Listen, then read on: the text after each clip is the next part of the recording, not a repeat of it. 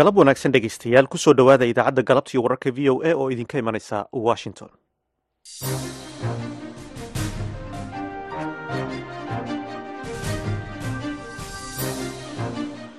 Waa arbaca bisha februari ee sanadka labada kun afar iyo labaatankuna waa koob iyo labaatan. Waxaad naga dhagaysanaysaan mawjadaha gaagaaban ee lix iyo tobanka iyo sagaal iyo tobanka mitrban iyo boggeena internetka ee v o a somaly com saacadda afrikada bari waxa ay tilmaamaysaa afartii galabnimo idaacadda galabta iyo wararka v o edana waxaa idinla socodsiinaya anigoo ah xuseen barre aadan.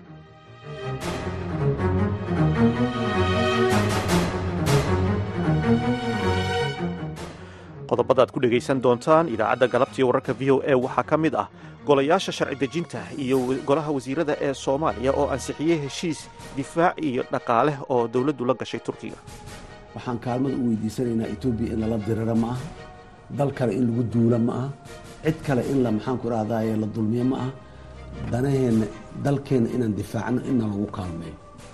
Dowladda turkiga heshiiska aan la galnay horta intaasuu asalkiisa yahay oo maanta baarlamaanka soomaaliyeed uu soo ansixiyey na kaalmeeya baddeenna sidaan u difaacano waxaa kale oo aad dhegaysan doontaan barnaamijkii madasha haweenka oo ku saabsan haweenka iskood shaqooyinka u abuurtay ee ku nool jubbaland hooyo kasta waxaan ku dhiirigelin lahaa inay shaqo samaysato. Waayo gacan bila'aadan laguma dhargo gacanteeda inay ku haka baxdo oo wax un ay isku dhiirigelin uun samayso wax un hadaf ah ay yeelato. Hadafkaasna uun mar un bay gaarisay u daanayso qodobadaasi iyo warar kale ayaan idiin haynaa. Marka horese ku soo dhowaada warkii dunida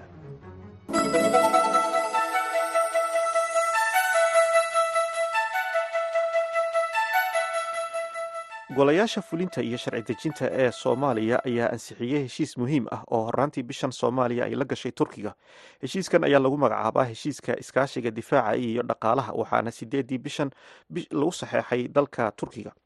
Golaha wasiirada ee soomaaliya ayaa shir ay maanto arbaca yeesheen heshiiskan ku ansixiyey waxyar kadibna waxaa heshiiska ansixiyey xubnaha baarlamaanka soomaaliya telefishinka dowladda soomaaliya ayaa sheegay in heshiiskaasi ay ansixiyeen laba boqol iyo saddex iyo toban mudane halka saddex mudane ay diideen.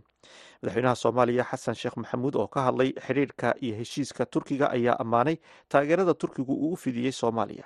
Madaxweynaha soomaaliya ayaa sheegay in sababta soomaaliya kaalmada u weydiisatay turkigu aanay ahayn in etoobiya lala galo dagaal ama lagu duulo.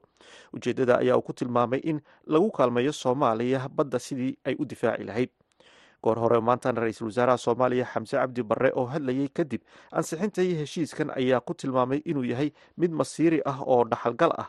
Waxaanu ku tilmaamay inuu yahay mid soomaaliya wax weyn u tari doona. Duqaymaha istabajooga ee israa'iil ay ka wado marinka khaza afar iyo labaatankii saacadood ee la soo dhaafay ayaa waxaa ku dhintay boqol iyo sideed iyo soddon qof oo falastiini ah boqolaal kalena waa ay ku dhaawacmeen waxaana tiradan laga diiwaan geliyey oo keliya isbitaalada maadaama ay jiraan dad badan oo laga yaabo inay weli burburka ku hoos jiraan. Tirada dadka ku dhintay dagaalka khaza ayaa maraysa in ka badan sagaal iyo labaatan kun oo qof tan iyo markii uu dagaalku bilowday iyadoo tirada dhaawacana ay ku dhowdahay toddobaatan kun oo qof ciidamada ayaa ka codsaday muwaadiniintu inay tagaan dhakhtarada. Deegaanka almuwasi ayaa waxaa ka buuxa teendho ay ku nool yihiin dadka barakacayaasha ah sida ay sheegtay warbaahinta falastiiniyiinta lix qof oo falastiini ah ayaa ku dhintay taangiyada ay ku rideen dadka barakacayaasha ah ciidamada israa'iil. Kooxaha bisha cas ayaa ay u suurto gashay in ay daadgureeyaan tiro ka mid ah dadka dhintay iyo kuwa dhaawacmay kadib markii ay la kaashadeen xafiiska qaramada midoobay u qaabilsan arrimaha bini'aadamtinimada dhinaca kalena warbaahinta israa'iil ayaa markii ugu horreysay muddo dhowr toddobaad ah soo tabisay suurtagalnimada in horumar laga gaadho wadahadalka ku saabsan heshiiska isdhaafsiga ee xamaas wargeyska israa'iil ee haarets ayaa sheegay in isbeddelku uu ka dhashay dadaalada maraykanka ee dib u soo cusboonaaday ee uu hogaaminayo agaasimaha c i e da william bens oo sidoo kale ka qayb galay la taliyaha madaxweynaha maraykanka ee biden ee arrimaha bariga dhexe bret mcgurk shalay wafdi ka socda xamaas oo uu hogaaminayo madaxa xafiiska siyaasadda ee xamaas ismaaciil haniya ayaa tegay magaalada qaahira waxaana la filayaa inay kulamo la qaataan saraakiisha surdoonka ee masar.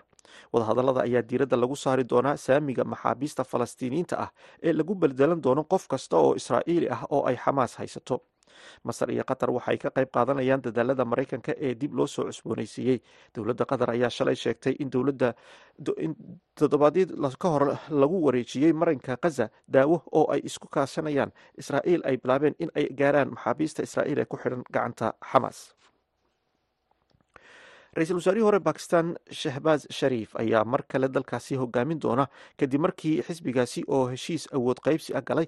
Heshiiskaasi oo meesha ka saaraya siyaasiyiinta daacadda u ah hogaamiyihii hore ee xisbiga xabsiga ku jira cimraan khan oo iyagu ku guuleystay kuraasta ugu badan ee doorashadii la qabtay bishan xisbiga ay militarigu taageeraan ee bakistan muslim league nawaz iyo xisbiga bakistan people party ayaa sheegay in kadib maalmo ay wadaxaajood wadeen ay heshiiyeen si ay u helaan aqlabiyad ay ku dhisi karaan xukuumad wadaag ah oo ay ku jiraan dhowr xisbi oo yaryar. Intaasina dhegeystayaal waxaa inoogu idil warkii dunida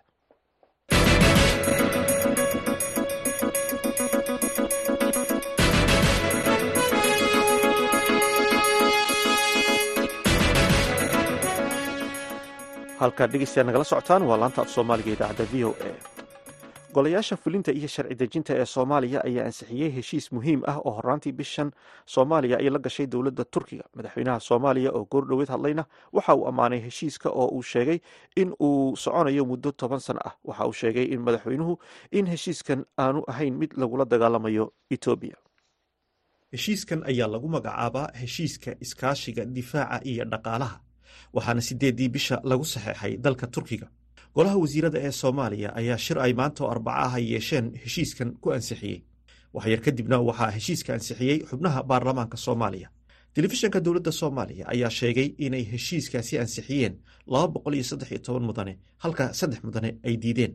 Madaxweynaha soomaaliya xasan sheekh maxamuud oo ka hadlay xidhiirka iyo iskaashiga turkiga ayaa ammaanay taageerada uu turkigu u fidiyey soomaaliya madaxweynaha soomaaliya ayaa sheegay in turkigu uu soomaaliya ka caawiyey dhinaca arrimaha bini'aadanimada la dagaalanka argagixisada iyo taageerada dhinaca dhaqaalaha sida kabka miisaaniyadda.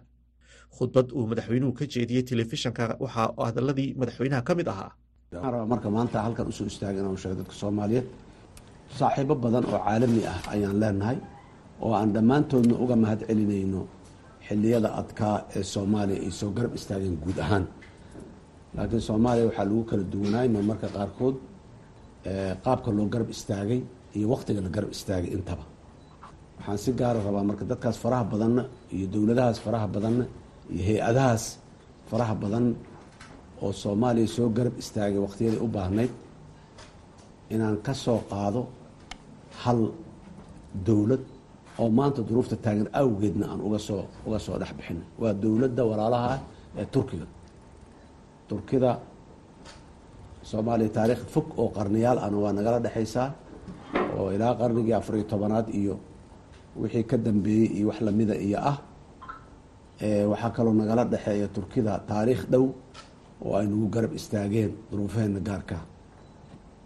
Turkiya waa dal caalamkana garab istaagay ka mid yihiin laakiin waxa ay macnaha gaarkaa noogu leeyihiin waxawaaye qaabka ay noo garab istaageen maalintii dadkeena majaacada ee haysay ee baahida haysay macaluusha ay jirtayna waa noo yimaadeen. Madaxweynaha hadda dalka turkiya ka tago ra'iisul wasaare ah iyo caa-iladiisii iyo golihiisi wasiirada iyo maxaa noo imaadeen iyo iyo baarlamaankiisi iyo xukuumaddiisi o dhan ayaa soomaaliya yimid. Ayadoo waagaa soomaaliya meelaan la aadin oon la tegin ay tahay. Waa dalka markii kaalmo aan weydiisanay iyo budget support budget supportiga ugu horeeyey dadka ugu horeeyey oo bangigeena iyo systemkeena dowladnimada lacag ku soo shubay ahayn oo yiraahdo socda. Waxaysta aaminaada qaata bangigeena dhexe lacag geeyey ahayn lacag ku shuba. Waa dad maxaanku irahda markii ammaan darro iyo argagixisada dagaalkeeda aan galnay oo caalamkao dhanna uu noo soo gurmaday ayagana noo soo gurmaday si gaara noogu soo gurmado xerye inta dalka gudihiis ka dhisay askarteena ku tababaray saraakiisheena qaaday. Maxaanku irahdaye ciidankeeda inta gudaha ku tababaray? Haddana qalabeeyey qalab casri ah weliba siiyey. Ayadoo berigaas weliba cunaqabatayna saaran dalka. Qalab kara la dhahay. Saraakiisha dhalinta yar ee maanta ciidamadeena hogaaminaya ee saraakiisha dhexe ah iyo kuwa yaryarna dalkooda ayay ka yimaadeen intooda badan.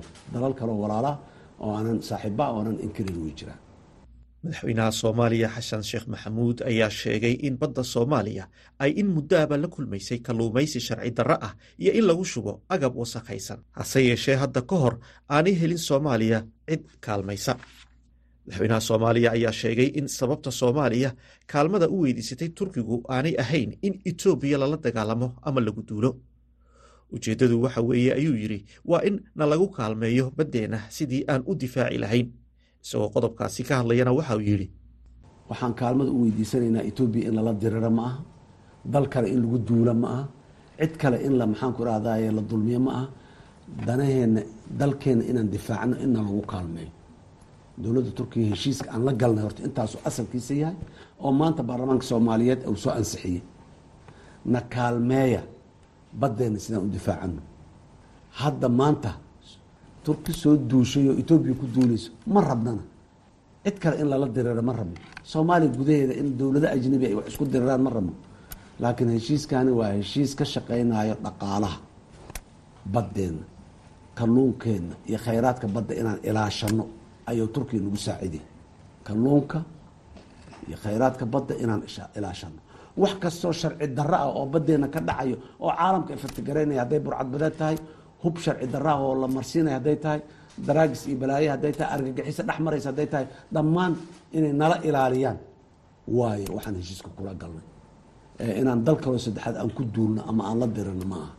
Heshiiskaasi waa heshiis xayndaab heshiis waaye brotocollo badan iyo heshiisyo badanaa ka sii rakibmi doono oo ka sii tafaasiilimi doono laakiin heshiiskaasi aakhirkiis wuxuu dhalaa oo hadafka ugu dambeeya toban sano kabacdi iyo wakti lamida uuna gaarsiinay waxay tahay ciidan bad oo biyaheena difaaci kara inaan yeelano inta ka horeysana walaalaha ay nala difaacaan badda oo burcadbadeedka iyo kalluumeysiga sharci darada iyo kuwa maxaa waxyaabaha illegal activitieska howlaha sharciga aan waafaqsanayn oo dhan inay nagala nagala ilaaliyaan. Waaye dadka soomaaliyeed dad dowladda turkiya waa dad aan aamini karno ku aamini karno howlaha qaarkood.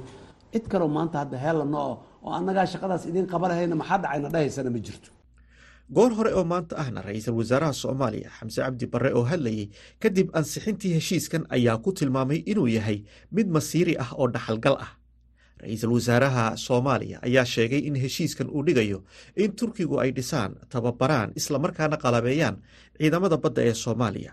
Heshiiska ayaa sidoo kale xoojinaya wax soo saarka khayraadka badda sida uu sheegay ra'iisul wasaaruhu waxa uu sheegay ra'iisul wasaare xamse in heshiiskan uu meesha ka saarayo wixii cabsi ah ee dhinaca argagixisada burcadbadeeda kalluumaysiga sharci darrada ku subista sunta iyo xadgudubyada iyo halista dibadda ah ee ku iman lahaa badda soomaaliya.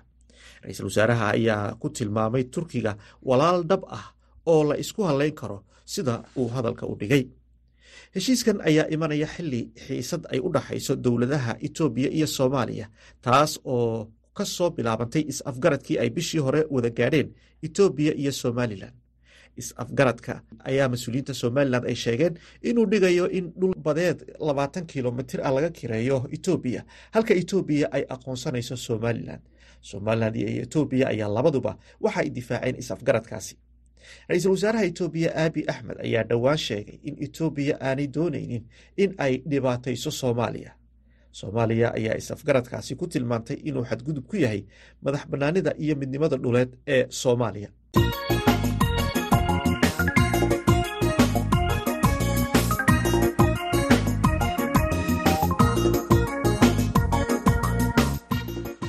Halkaad dhegeystayaal nagala socotaan waa laanta af soomaaliga idaacadda v o a oo si toosa idinka imanaysa washington mas'uuliyiinta amniga ee maamul goboleedka koonfur galbeed ayaa wada qorshe ay sheegeen in lagu bilaabayo wejiga labaad ee dagaalka ka dhanka ah ururka al-shabaab oo dhowaan ka bilaabanaya deegaanada koonfur galbeed.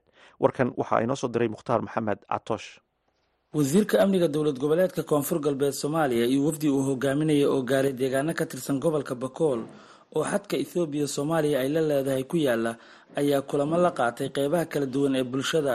Deegaanada ay tageen wasiirka iyo wafdiga la socda waxaa ka mid a yeed caato washaaqe iyo deegaano kale oo dhaca xadka ethoobiya waxay ka wada hadleen qeybaha kala duwan ee bulshada ay la kulmeen diyaargarowga iyo sida ay qeyb uga noqon lahaayeen howlgalka ka dhanka ah kooxda al-shabaab oo wejigiisii labaad dhowaan la filayo koonfur galbeed inuu ka bilowdo.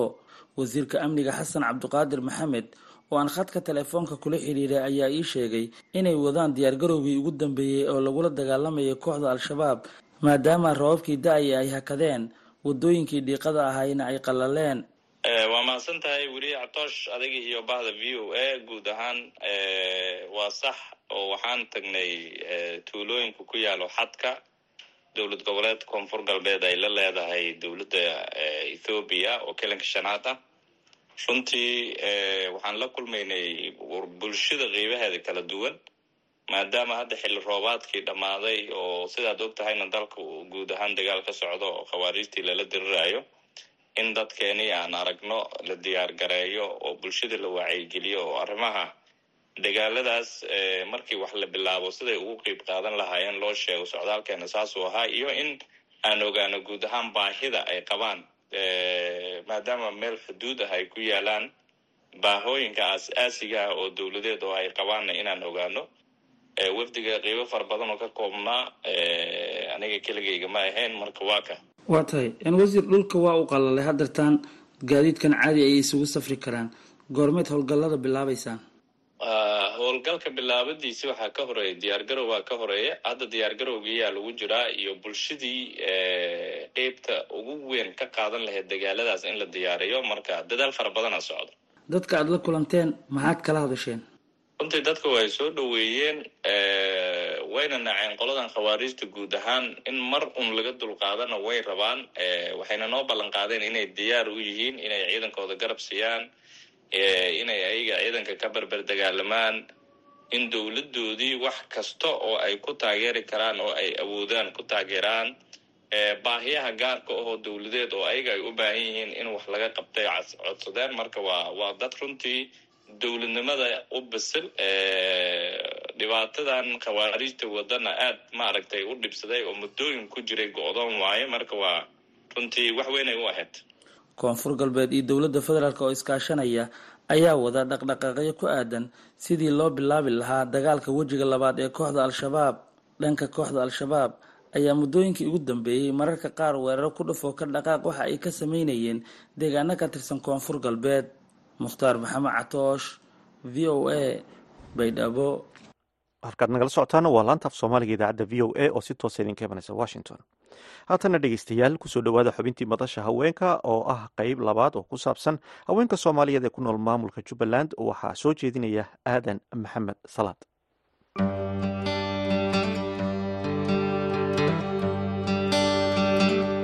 Tan iyo markii ay burburtay dowladdii dhexe ee soomaaliya haweenka soomaaliyeed waxay bilaabeen ganacsiyo iyaga u gaara kuwa oo ay kaga shaqaysanayeen guud ahaanba soomaaliya meelaha ay kaga nool yihiin. Waxaana markaasi soconayay abaabul xooggan oo ay wadeen dumarka oo ay ku badbaadinayeen nolosha carruurtooda iyagoona markaasi bilaabay ganacsiyo u gaara haweenka. Haweenka ayaa saara cillaanka taa oo markaasi ay ka shaqaystaan haween aad u tiro badan waxaana ku yaalla magaalada kismaayo xarumo aad u tiro badan kuwa oo lagu saaro cillaanka islamar ahaantaana dumarka lagu qurxiyo. Carfoon maxamed axmed waxay ka mid tahay haweenka ka shaqaysta cillaansaarka islamar ahaantaana mid ka mida goobaha waxbarasho ee ku yaalla magaalada kismaayo ee wasaaradda haweenku ay leedahay haweenka ku barta sida cillaanka loo saaro waxaana sidoo kale ay ka shaqaystaa magaalada gudaheeda iyadoo nolosha reerkeeda iyo nafteeduba ka maaraysa cillaansaarka faa-iidooyinka ama caqabadaha uu cilaanka leeyahay ama macnaha shaqooyinka u gaarka ahee dumarka saa sheegtay waxaa ka mid a cilaanka sababtoo ragga shaqada kuma laha waxaa u uu yahay cilaanka oo keliya faa-iidooyin badan haddii aan u soo laabta dhanka faa-iidooyinka ama khasaaraha faa-iidooyin badan ayuu noo leeyahay. Matalan anigoo ah hadda carfoon cilaanka waana baraa arday waana ku shaqaystaa. Waana fursad micnaha u gooni ah dumarka oo cidna micnaha aan ku qashqashaadeynin runtii faa-iido badan uu leeyahay. Caqabado badanna uu leeyahayoo de sida lagu bartaaba adag oo wuxuu u baahan yahay dhabar adeeg fara badan u baahan yahay.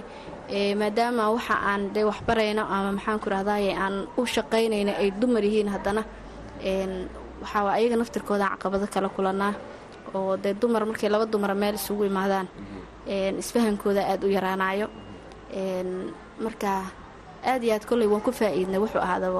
Adi hadda macalina waa tahay laba faida isku haysta adi hadda. Marna macalin baa tahay marna waxaa tahay waa ka shaqaysataa. Marka tan macalinimada intaan u gudbin tan aad ka shaqaysa ee cilaansaarka ah maxaa faa'iido horumar ka gaartay wallaahi tan cilaansaarka faa-iidada aan ka gaaray waxay tahay dee naftaydan ku maareeya waxaa muhiima inaad micnaha naftaada adiga aa ku filan tahay. Cidna aysan meel kale wax kaa soo gelaynin hooyaan ahay ilmaa haystaa ilmahaygaan ku maareeyaa noloshaydaan ku maareeyaa dee qof isku filana ahay oo gacantiisa micnaha ku libaanay ilaa markaa maalintii oo kale celcelis ahaan imisaa ka faa'idaa wallaahi maalinkii hadba suuqa waa si waxaan waa suuq. Dee suuqa dee maanta cidda wax kaa gadanayso iyo cidda maxaan ku dhaha aan kaa gadanayni ma ogid. Meesha waa furaysaa. Intii markaas iyada maalin walba isku mid ma aha. Maalin baad cidna arkaynin. Maalin bay kuu kala kacaysaa. Maalin baa adii dhexdhexaad biilkaaga aa kala tegaysaa hadba waa si. Marka ganacsigan ama shaqadan ka waran cilaansaarka haweenku faa'iida ma u leeyahay? Aad iyo aad haa faa'iido weyna uu leeyahay. Maadaama aniga faa'iido ii leeyahay oo i anfacay haweenka soomaaliyeed oo dhanna u anfici karaa faa'iido weyn uu leeyahay. Ma badan tahay dadka shaqaysta cilaansaarka haa way badan tahay. Sababtoo magaalada kismaayo oo kale hadda dhowr xarimooda aa ku yaalo. Adba waa ogtahay weriyaa tahay waa ka warhaysaa magaalada dhaqdhaqaaqeeda haddana maxaan ku idhahdaa dee dadka xirfadda yaqaana waagi hore way yaraayeen. Laakiin hadda way sii badanayeen sababtoo ah waxaa badan xarumaha wax lagu bara gabdhaha oo horumarinta haweenka badan. Marka aad bay gabdhihii guryahaaba hadda lagu shaqaystaa magaaladii iska daaya marka aaday u badan yihiin aadayna uga faa'idaystaan marka guryaha marka laga shaqeynayo xaafadaha la tegaya miya dumarka cilaanka lagu saaro? Maya dabcan maanta oo kale xaafadda waxaan deganahayba kaba soo qaad ee siinaay oo kale aan deganahay. Hooyooyin waxaa jira aan suuqa soo aadi karin aan meel macnaha intay soo baxaan imaan karin oo deris kula ah. Ama way ku imaanayaan ama haddaa ka jaanisroon tahay io imo way ku dhahay inay ku yaqaanaan oo kale. Marka saasoo kale uga faa'idaystaan gabdhaha xaafadda degan maxaa gabdhaha shaqala-aanta aad ku dhiirigelin lahayd maadaama macalimadna aad tahay. Wallaahi gabdhaha shaqala-aanta waxaan ku dhiirigelin lahaa inay ay haddii ay waxbarashadii kale ay jaanis u heli waayeen inay farsamooyinka oo kaleeto sida cilaanka oo kale dharkarinta oo kale shaambadoo kale way aaday u badan tahay inay ka faa'iidaystaan. Oy macnaha naftooda ku kalsoonaadaan ee isku dayaan inay wax soo saar ee sameeyaan. Ayaan ku dhiirigelin lahaa ee guryaha ayagoo joogo ay ku shaqaysan karaan. Dabcan hadda maanta dharkarin hadday taqaano kale gurigay ku karsanaysaa. Islaamaha guryaha ka gadana xaafadda. Shaambada sidoo kale shaambada waa la isticmaalaa dharkaan ku dhaqanaa wax walbaan ku qabsanaa way anfacaysaa cilaankaoo kale wuu anfacayaa waa wax micnaha ilmihiina uu ka dayacmaynin iyo guryihii naftoodii iyo gurigoodiina ay wax ku soo kordhinayaan. Marka waan soo dhaweynaya inay gabdhaha ay xirfadaha bartaan ama ay shaqaystaan ayaan ku dhiirigelin lahaa. Ma ahan oo keliya shaqooyinka haweenka u gaarka ahi ay qabtaan dhinaca cilaansaarka sidoo kale waxaa jira haween aad u tiro badan oo ka shaqaysta iibinta dharka kuwaas oo goobaha loo yaqaano bacadlayaasha ee suuqyada magaalada kismaayo iyo meelo badan oo soomaaliya ka mid ay iibiyaan haweenka dharkooda. Waxaana haweenkaasi ka mid ahay faadumo xuseen yuusuf oo ka mid ah haweenka ku dhaqan magaalada kismaayo waxaana ay ku leedahay goob ganacsi oo dharka lagu iibiyo suuqa weyn ee magaalada kismaayo. Ganacsiga haweenka gaarka u ah ee aan ka shaqaysano wuxuu ku saabsan yahay badankiisii dharka sida loo gado oo u badan yahay dharka dumarka. Ayuu ganacsigeenu u badan yahay. Marka maxaa ka mid a dharka iyuna waxaa ka mid ah xijaabadoo kale waxaa ka mid eh baatiyaasha ka mid eh cabaayadaha ka mid eh waxaa ka mid eh maxaa saakooyinka ee dumarka ay ku labistaana ka mid eh adi dhammaan waxyaabaha oo dhan ay dumarka ay ku labistaan oo dhan waan ka ganacsanaa ha marka ilaa meeqa gabdhooda ka ganacsada marka wallaahi xaafadeena hadda gabdhaha badanaa dumarka hadda badanaa waxay u badan yihiinba ganacsato ganacsigoodna wuxuu u badan yahay maxaa dhahaa ganacsiga dharka oo dumarka haweenka ayuu u badan yahay.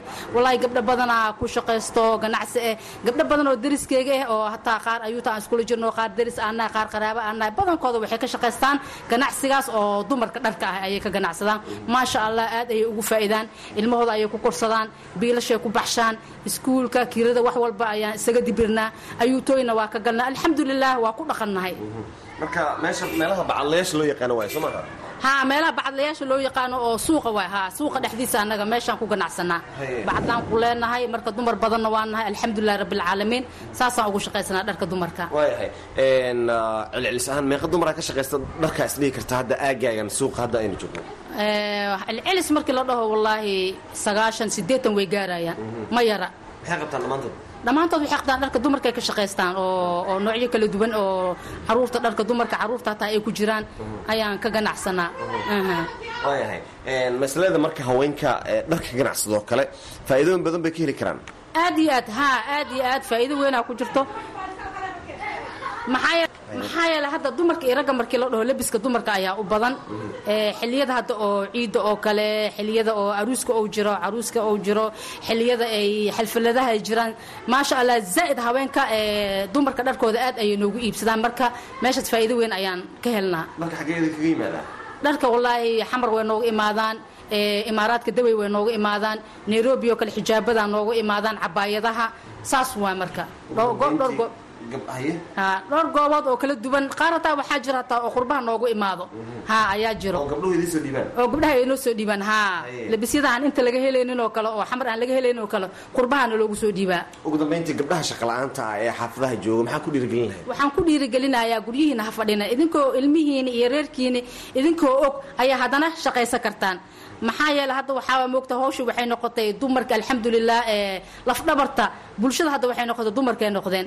Ee, noloshiina hadda badanaa waxay ku xirnaatay haweenkay ku xirnaatay. Ma burburka wixii ka dambeeyey noloshu waxay noqotay iyo shaqada haweenka ayay noqotay. Marka haweenka waxaan leeyahay adoo ilmahaaga ka warqabo oo reerkaaga ka warqabo ayaa haddana shaqaysan kartaa oo ilmahaaga biilkoodii iyo noloshoodii aad kafaalo qaadi kartaa. Marka waxaan leeyahay yaan la fadhinin. Haweenka waxaan leeyahay shaqaysta oo kaca. Haweenka dunida ee maxaa la dhahaa la jaanqaada. Insha allah saasaan maxaa la dhahaa haweenka aan dumarka u gaarka ah ee hadda magaalada kismaayo kale maxaa ka mid ah isdhihi kartaa wallaahi hadda dumarka waxaa gaar u ah sida baatiga. Baatiga ayaa aad iyo aad loo isticmaalaa Oo aad ugu ganacsadaan. baatiga gabsaarada xijaabada cabaayadaha intaasba iyo saakooyinka waa haweenka labiska zaa'idka ah oo annaga nalaga iibsado. Wallahi shoobinkana way ka shaqaystaan. Shoobinka dumar badan oo hadda waxaa jira shoobinka ka shaqeeyo qaar waxaa jira khudaar gadaa jiro qaar waxaa jira maqaayado ka shaqeeyaa jiro qaar waxaa jira cilaan saarka oo kale cilaanka saaro qaar dharka kariyo. Alxamdulilah shaqooyinka dumarka hadda ay qabtaa aad bay u fara badan tahay. Fardowse ibraahim cumar waxay ka mid tahay haweenka qabta shaqooyinka u gaarka ah ee dumarka oo ay ka mid yihiin samaynta uunsiga karinta dharka iyo waxyaabo kale oo ay u iibgeyso suuqyada waaweyn ee magaalada kismaayo. Mar aynu wax ka weydiinnay waxyaabaha ay qabato iyo saamaynta nolosheeda ay ku yeesheen iyo caqabadaha ka iman kara ayaa waxa ay sheegtay.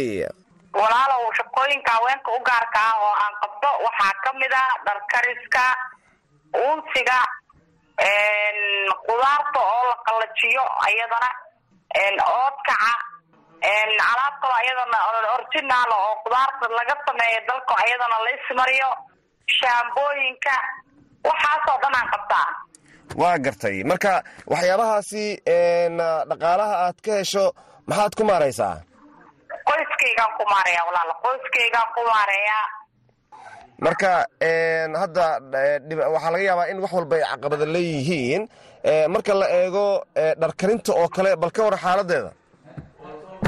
Caqabado way leedahay walaalow dharkarintu caqabaday leedahay caqabaday leedahay waxaa waay waxa chemical a wax ku karinaysid haye waxay rabtaa waxyaabo badan oo la iskaga ilaaliyo maadaama aanan awoodin waxyaabihii qalabka ahaay oo la iskaga ilaalinaya aanan haysan. Mar waxaa soo gaaraysa cusbada intayna gaarto aniga gabdhaha karinaayo ay faruhuna googo-aan mar ay elerji nagu noqoto caqabado badanaan kala kulanaa gaartay wakaasa marka caqabadahaasi maxaa looga hortegi karaa? Maxaa loo baahan yahay? Marka dhar la karinayo oo kale. Waxaa loo baahan yahay dee qalabka wixii looga hortegi lahaa. Gacmahoo kale marka la qasaayo oo kale oo waxaan la samaynaayo chemical waay la isku daraayo chemicalkaas oo kale wixii kaa difaaci lahaa waa loo baahan yahay. Marka dharka la dhaqaayo la hagaajinaayo chemicalkaas wixii lugaha la gashanaayo wixii gacmaha la gashanaayo wixii wejiga la gashanaayo qalab badanaa loo baahan yahaa gaartay maadaama marka waxaas ka hortagaa tirada badan aana tabarteenana ayna dhammayn aanana haysanin. Marka caqabadaha nagu deerinay ka mid yihiin. Marka si looga gudbo ma isleedahay haddii la helo qalabkaasi waxyaabo badan ayaad soo saari lahaydeen oo dharka ay ugu horeeyaan ha ha wax badan wax badanaa isbedeli lahaa. Wax badan. Gaartay ka dharkarinta marka laga tago waxyaabaha kale aad samaysan maxaa ka mid a waxaa ka mid a uunsiga. Gaartay uunsiga oo aan magac u samaystay iskiisar u samaystay caagado u samaystay ayagoo kartoomaha aan soo saaro oo dukaamada magaalada ku yaalla aan u beecgeeyo iyo tuulooyinka. Gaartay kismaayo ina waaxigeedaad geysaa? Ha haye marka dhaqaale ma ka heshaayo noloshaada ma ku maaraysaa? Ha waxaa walaal dhaqaalo laga helin dee laguma daali karo waa laga helaa dhaqaalo gaartay laakiin de wixii soo saarkii oo tirada badnaa ma soo saari karo oo way wixii waxa aan hadda dab ku samaynayo waaye uma haysto qalabkii iga saacideyn lahaa iyo wixii awoodeeda isiin lahaa ma haysto. Maadaama aanan haysto wixii awoodii dheeraadkaa isiin lahaa oo qalabkii aan ku soo saari lahaa waxaa laga yaabaa bishii oo dhan inaan sideed kartoon sagaal kartoon soo saaro. Haye qalabkaas marka maxaa ka mid a ee loo baahan karo waxaa ka mid a aalado badan uu leeyahay. Wixii lagu samayn lahaa makiinado sameeyaa jiro makiinadahaas oo kale haddii laiga caawiyo. Qalabka lagu sameeyo sida catarada caagadaha lagu shubo iskiisarada bahalada lagu samayn lahaa. Waxaasoo dhan haddii la iga caawiyo waan wax badan inaan soo saari lahaa kala bedeli lahaa.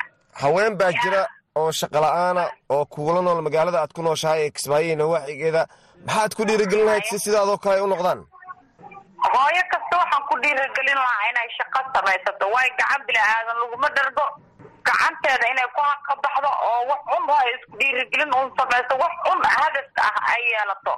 Hadafkaasna un mar un bay gaarisay u daalayso.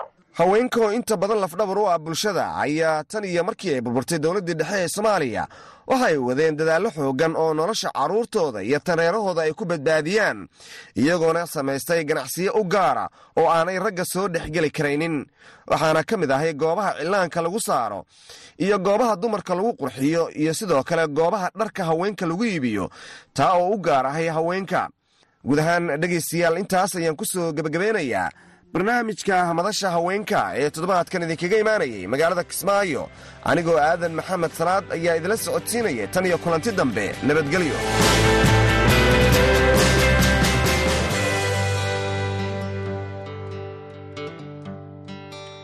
Halkaan dhegeystayaal nagala socotaanna waa laanta afka soomaaliga idaacadda v o a oo si toosa idinka imanaysa washington xildhibaanada baarlamaanka federaalk ee soomaaliya ayaa maalmihii la soo dhaafay ka doodayey wax kabeddelka iyo dhammaystirka dastuurka waxaana jira aragtiyo kala duwan oo ay dadweynaha soomaaliyeed ee dalka gudihiisa iyo dibaddiisaba ku nool ay ka qabaan wax kabeddelka dastuurka. Dadkaasi waxaa ka mid ah soomaalida ku nool dalka kenya haddaba qaar ka mid a soomaalida ku nool magaalada nairobi ayaa ka hadlay aragtidooda ku aadan dooda socota iyo wax kabeddelka dastuurka. Khadar maxamuud xareed ayayna u warameen magacayga waa cabdirasaaq maxamed oo ku nool magaalada nairobi. Muddo fara badan ayuu wadanka lahaa wadanka uu ahaa dastuur la'aan oo dastuur kumeel gaar ah ma aragta la isticmaalayay maanta in laga gudbo oo dastuur wadanka loo sameeyana waa wax weyn. Middan mar walba la isku qabsan jiray baarlamaanka ama ra'iisul wasaaraha iyo mar walba awoodda isku qabsan jireen madaxweynahana waa ogeyn.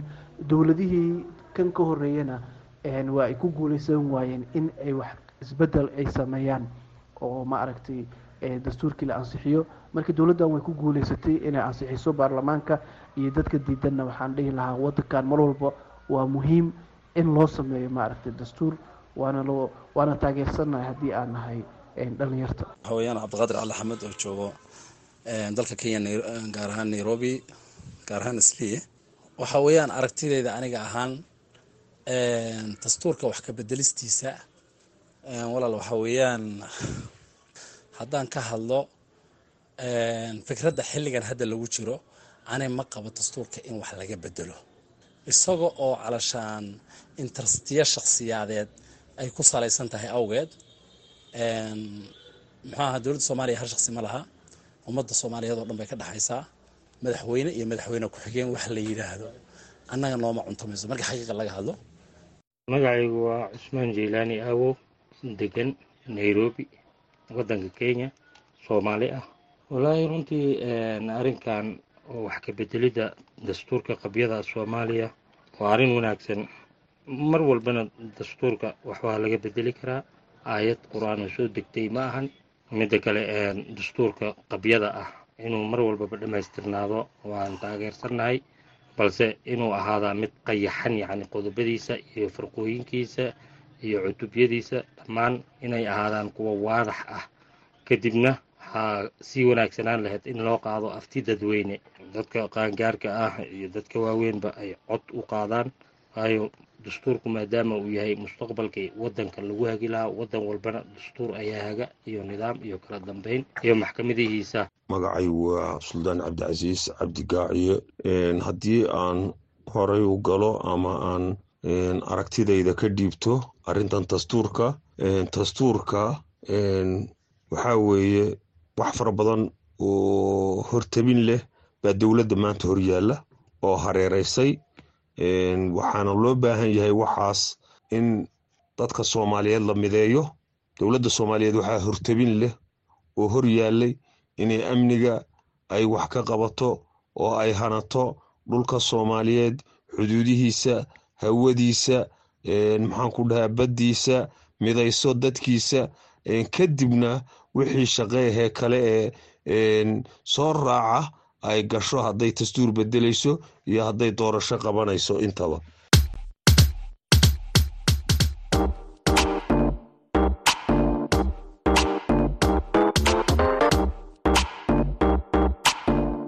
idaacadda v o a waxaad si toos uga dhegaysan kartaa efemyada magaalooyinka geeska afrika. Haddii aad joogto magaalada muqdisho waxaad v o a ka dhegaysan kartaa v o e da f m teda sagaaliyo sagaashan dhibic sagaal iyo raadiyo muqdisho f m teda sagaashan dhibic eber eber. Reediyo kulmiye f m-ta sideed sideed reediyo risaala hal eber labo dhibic labo hargeysa sideed sideed dhibic eber v o a. Haddii aad kismaayo joogto v o e da waxaad ka dhegaysan kartaa raadiyo sooyaal f m sideed sideed dhibic eber.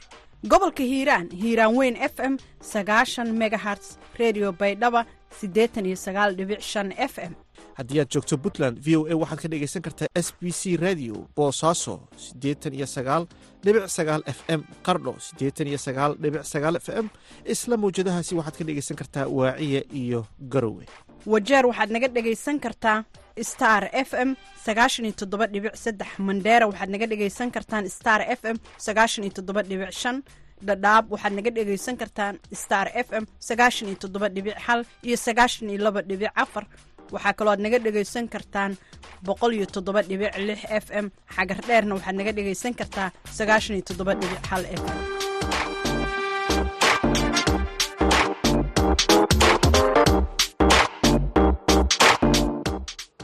Haatana dhegeystayaal ku soo dhawaada doodii gaabneyd waxaynala socodsiinayaa xasan kaafi qoyste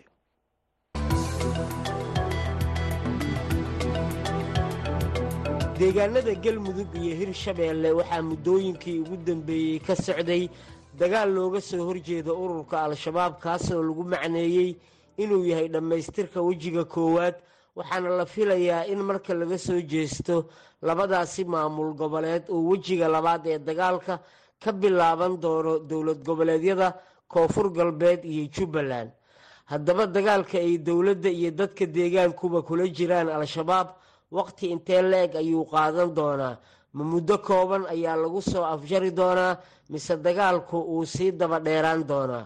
Waa mowduuca aynu ku gorfaynayno xubinta dooda gaaban ee maanta waxaana ka doodaya wasiirkii hore warfaafinta maamulka galmudug iminkana ah la taliyaha arrimaha bulshada ee madaxweynaha galmudug axmed shire falagle iyo cabdifataax ibraahim cashare oo ka tirsan aqoon-yahanada soomaaliyeed waxaana hadalka ku horeynaya falagle. Bismillahi raxmaan raxiim run ahaantii shabaab waxa weeye waa gebagabo wey gebagabo aan u arko in xirsigood go'ay sida ugu dhaqsiyaha badan ayaana u aaminsanahay in looga saari karo dalka oo dhan. Deegaano badan oo awal culays weyn ay ku hayeenna dee caawa maba haystaanba qaabka dagaalada u socdaan iyo sida dowladda federaalka u wajahayso iyo sida shacbiga soomaaliyeed u fahamsan yahay hadda sida waxyihiin iyo sida dowlad goboleedyadu ayaguna ay iskaashigu u muuqdo sina kuma waari karaan. Marka al-shabaab gebagabadoodii baan ku jirnaa qofka ilaahay gaarsiiyo. Waxa hadda jiraan waxa weeye shabaab oo la bacsanayo ee ma jirta shabaab oo wax bacsanayo dowladda federaalka sida ay u wajahayso meel walba ay ka wajahayso beesha caalamkuna ay ka taageerayso maamul goboleedyada qaarkood si hadda galmudug oo kaleyana ay ka go-an tahay iyaga shacabba in la iska xoreeyo. Marka laga tusaale qaato shabaab waa gabaabsi. Waa guri la diirdiiray oo maaragtay heeryadii laga diirdiiray. Dhexdiis bay ka dhex qaylinayaan dadku waa u jeedaa tooshkuna waa ku ifsan yahay. Marka nuxurka haddaan meeshiisa ugu tago shabaab waa galbatay tu kale mooye. Haye cabdifataax anigu waxaan is leeyahay dagaalkan ay hadda dowladda ku jirto oo kooxaha nabadiidka ay kula jirto. Waxay qaadan doontaa waqti dheer in laga takhaluso. Sababtan saas u leeyahna waxaa waaye dagaalku laba nuuc waaye. Midna waa midda frontlineka dagaalka la isku arkayo xabadda la isku haysto hubka la isku adeegsanayo. Midna waxaa lagu dagaalami doonaa caqiido. Waxaan is leeyahay midka hubka lagu dagaalami lagu dagaalamayo. Waxaa suuragal ah sideeda ugu dhaqsiyaha badan inay ku soo afjarmi karaan laakiin midda caqiidada waxay u baahnaan doontaa waqti dheer. Waxaan is leeyahay waxaan indhaha laga laaban karin. Nimankan meelihii ay haysteen muddada dheer waa in xisaabtanka lagu daraa in wiilashii ku dhasha maanta qaangaar ay yihiin. Marka wiilka ku soo hana qaada ayagoo shalay meesha joogay mabda-ooda qaatay ee ku dhex jiray way adag tahay in si kale wax loogu dhaadhiciyo. Marka ani waxaan is leeyahay dowladda soomaaliya labo arina u taalo. Dagaal caqiidahna waa u yaalaa dagaal foolka fool ahna waa u yaalaa labadaba marka la fiiriyo marka waxaan is leeyahay kan caqiidada waqti dheer qaadan doonaa. Waxaa sidoo kaleeta jiri doono oo aan muddooyinkan joojin doonina is leeyahay dagaalkan ku dhufo ka dhaqaaq ah oo hadda dowladaha qaar ka dhaco sidaad la socotid meelihii nimankan wada haysan jireen oo dowladihii shisheeye naftarkooda ku dhufo ka dhaqaaqay laga sameeyaa soomaaliya waxaa is leeyahay muddooyinka soo socda ku dhufo ka dhaqaaqdaas. Waa ka jiri doontaa mar walba lama suulin doono. Falagle waad maqlaysaa qaabka uu dooda u dhigay cabdifataax adiga maxaad ku sababeynaysaa in al-shabaab muddo kooban lagu soo afjari doono. Waxaan ku sababeynayaa in laga adkaaday hadda dagaalka dadka ku dhex jiraanahay ama carada ay hadda wax ka socdaan jooga qiimaynta la sameeyey ama marka laska meel iska dhigo kuwa sida xun wax u fasira waxa weye dagaal baa socda. Dagaal kasta oo hadda socdaana waxaa waxaa dhul laga qabsanaya ama lagala wareegaya ama haddii la kuulooya kaashurta ku badan yahay waa shabaab wey dowladda soomaaliya ee madaxweynuhu uu hogaaminaya xasan sheekh qaabka go'aanka ay u gaartay in dalka laga xoreeyo waa mid moral ah waa mid cudud ah waa mid maskixiyan ah waa mid wadaninimo ah. Dagaalka hadda lagu jiraan waxa weeye waa mid koox yaro dhuumaalaysanaysa aysan aan la oran karin wuu daahaya sabab daahin kartaan anu ogi.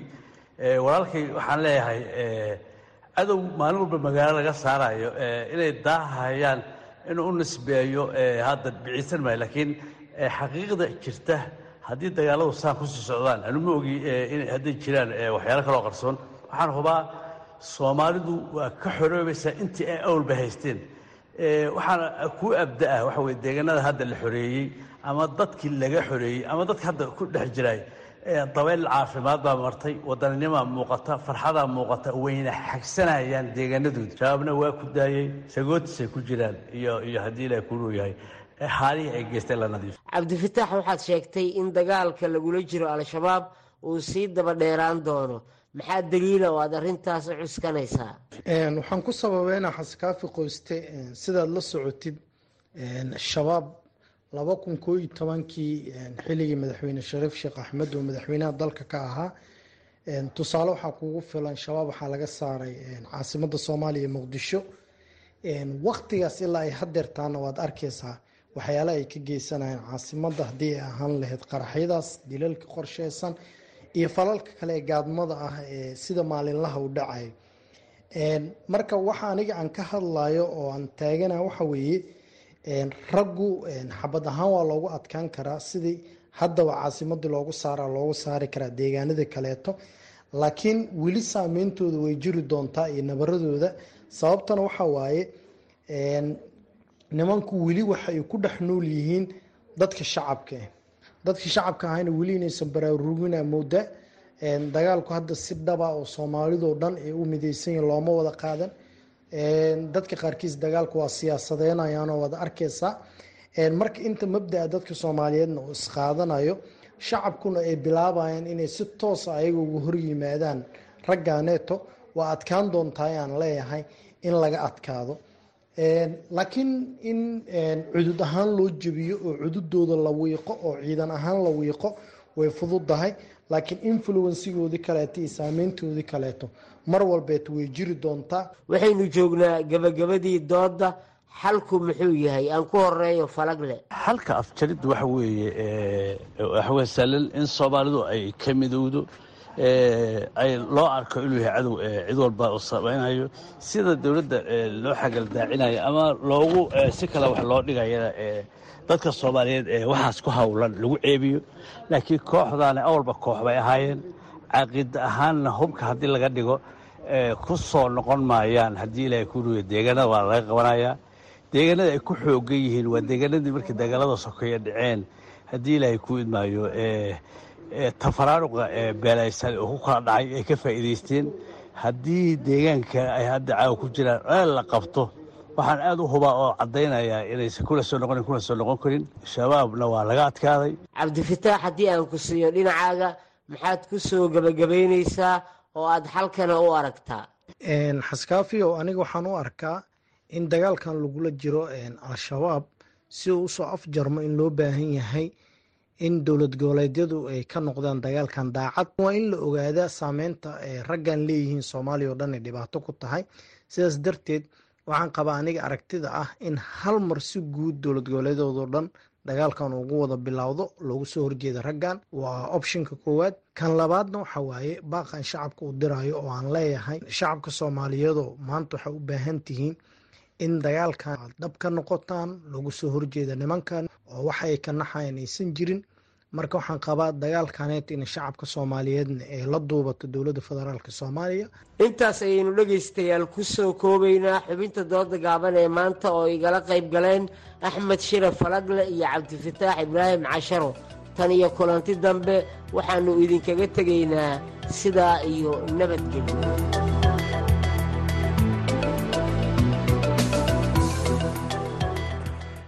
halka dhegeystayaa nagala socotaan waa laanta afka soomaaliga idaacadda v o a oo si toosa idinka imaneysa washington. Saadaasha aragtiyada ee laga qabo tartanka madaxtinimada ee dalkan maraykanka ee labada kun afar iyo labaatanka ayaa ra-y ururin la sameeyey. Waxa ay muujinaysaa ilaa iyo hadda in dadka maraykanka ay kala dooran doonaan madaxweyne joe biden iyo madaxweynihii hore donald trump ra-y ururin uu sameeyey telefishinka a b c news.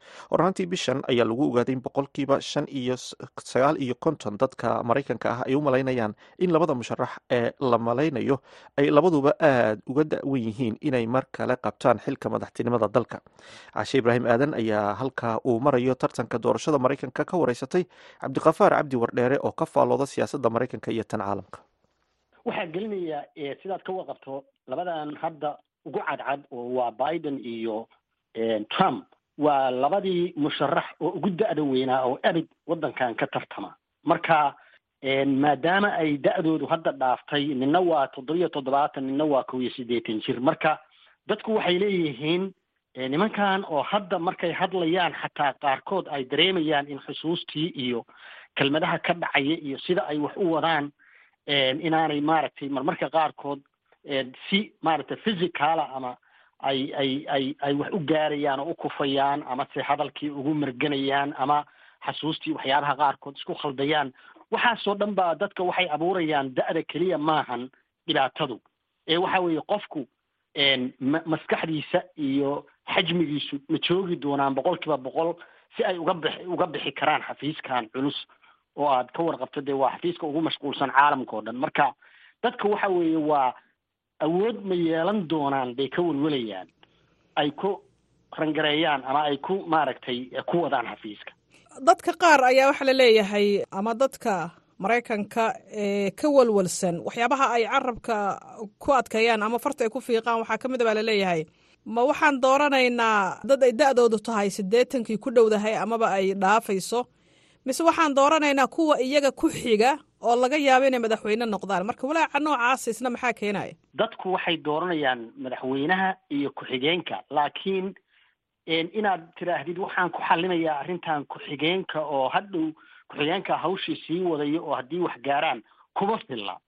Marka ma dhici kartaa ama ma laga yaabaa in marka ugu dambaysa oo ay soo dhowaato doorashadii iyo xilligii loo diyaar garoobayey inay wax isbedelaan oo tusaaloo kale biden uu ka tanaasulo oo dimuqraadiga ay qof u soo magacaabaan ama trump uu qudhiiso tanaasulo ma laga yaabaa inay wax isbedelaan daqiiqadaha ugu dambeysa ama saacadaha waqtiyada ugu dambeeya ee weli doorashadii intaan la gaarin? Wax kasta waa dhici karaan laakiin sida hadda qiyaastu ku socoto midkoodna lagama yaabo inuu ka tanaasulo sida hadda la sheegayo. Sababtoo ah xataa markii laga hadlayo caafimaadkooda iyo laga waraysta la yidhaahdo oo laysku dayo in balxuuraansi la soo ogaado inay xaalkooda iyagu admid gareeyaan oo dhahaan ogolaadaan oo dhahaan war meeshaan kama bixi karno. Waad arkaysaa way ka gabanayaan nin waliba warqadii takhtarku la soo baxaya wuxuu leeyahay arag warqadii takhtarkaygu iisoo qoray wuxuu leeyahay. Wax kastaba waa okay wey. Marka isku dhejin zaa'ida labadaba laga dareemayaa oo aanay marnaba arrintaas aanay ka gorgortamayn oo xataa xisbigoodu ay ku dhici waayeen dadkii la tartamayay jamhuurigaaba roon oo xoogaa maadaama iyagu aanay hadda xafiiska fadhiyin dad la tartama iyo wax keenkeenay aan rajo lahayn. Laakiin biden wax isnuuxiyaba waa lala yahayba oo xataa isku daya inay madaxa la soo kacaano ee la tartamaan oo yidhahdaan ninkaani awood uma lehe ee bal aan anigu aan aan meesha madaxa geysto. Marka suurtagal ma aha bilaha dhiman in inta waxyi ku soo dego uu mid waliba yidhahdo bes hadda waa anigu waa ka tanaasulay. Waxay aad bay u adag tahay sida la odorosay ma laga yaabaa arrintani in ay fursad siiso murashaxiinta sida madaxa bannaan u soo tartamay aan xisbina ka socon. Maya waa adag tahay. Musharaxiinta la tartamaya markii uu boqolkiiba konton ama ama lixdan haysto ama biden ama trump waxaa laga yaabaa boqolkiiba hal iyo saddex iyo shan iyay marayaan. Marka dad soo dhow ma aha. Wax kalena maaha waddankan waa two party system baa la yidhaha waa laba xisbi. Ama jamhuurigaa ku wata ama dimuqraadigaa ku wata. Qof kale rajo ma laha. Haba yaraatee aad ayuu mahadsanyiinkaasi waxa uu cabdiqafaar cabdi wardheere oo u warameeyey caashe ibraahim aadan halkaad kala socoteen waa laanta afka soomaaliga ee v o a. Haatana dhegeystayaal ku soo dhawaada xubintii ciyaaraha.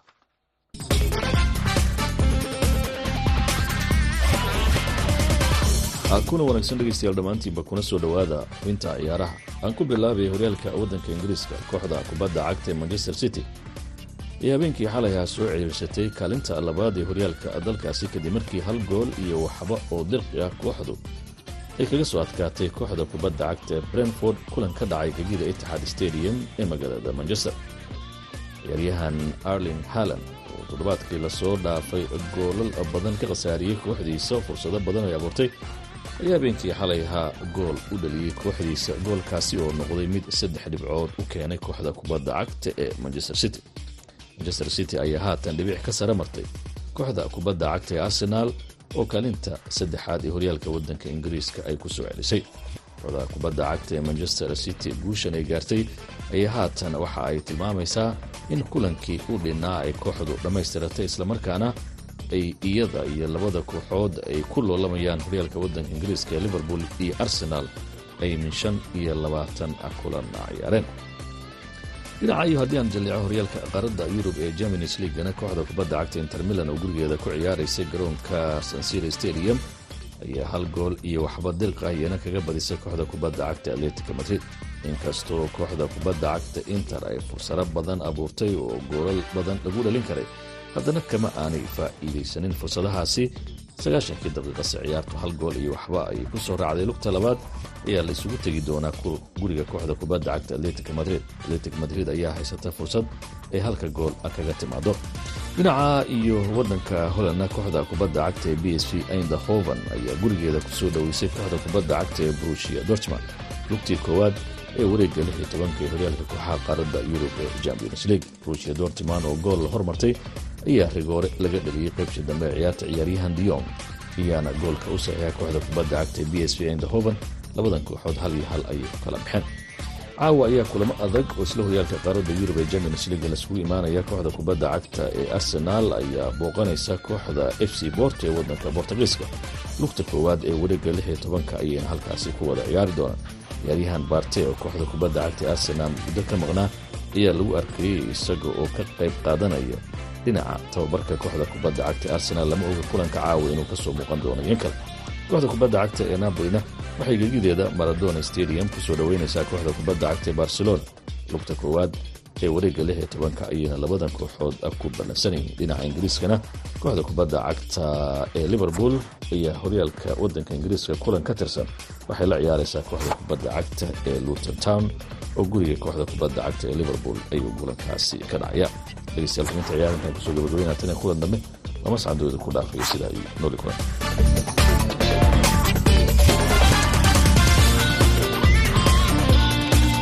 aad ayuu mahadsan yahi maxamuud mascade inala socodsiinaya xubintaasi ciyaar halkaad kala socoteenna waa laanta af soomaaliga ee v o a markana aynu ku wada nasanoo mid ka mid a heesaha aan idinku tala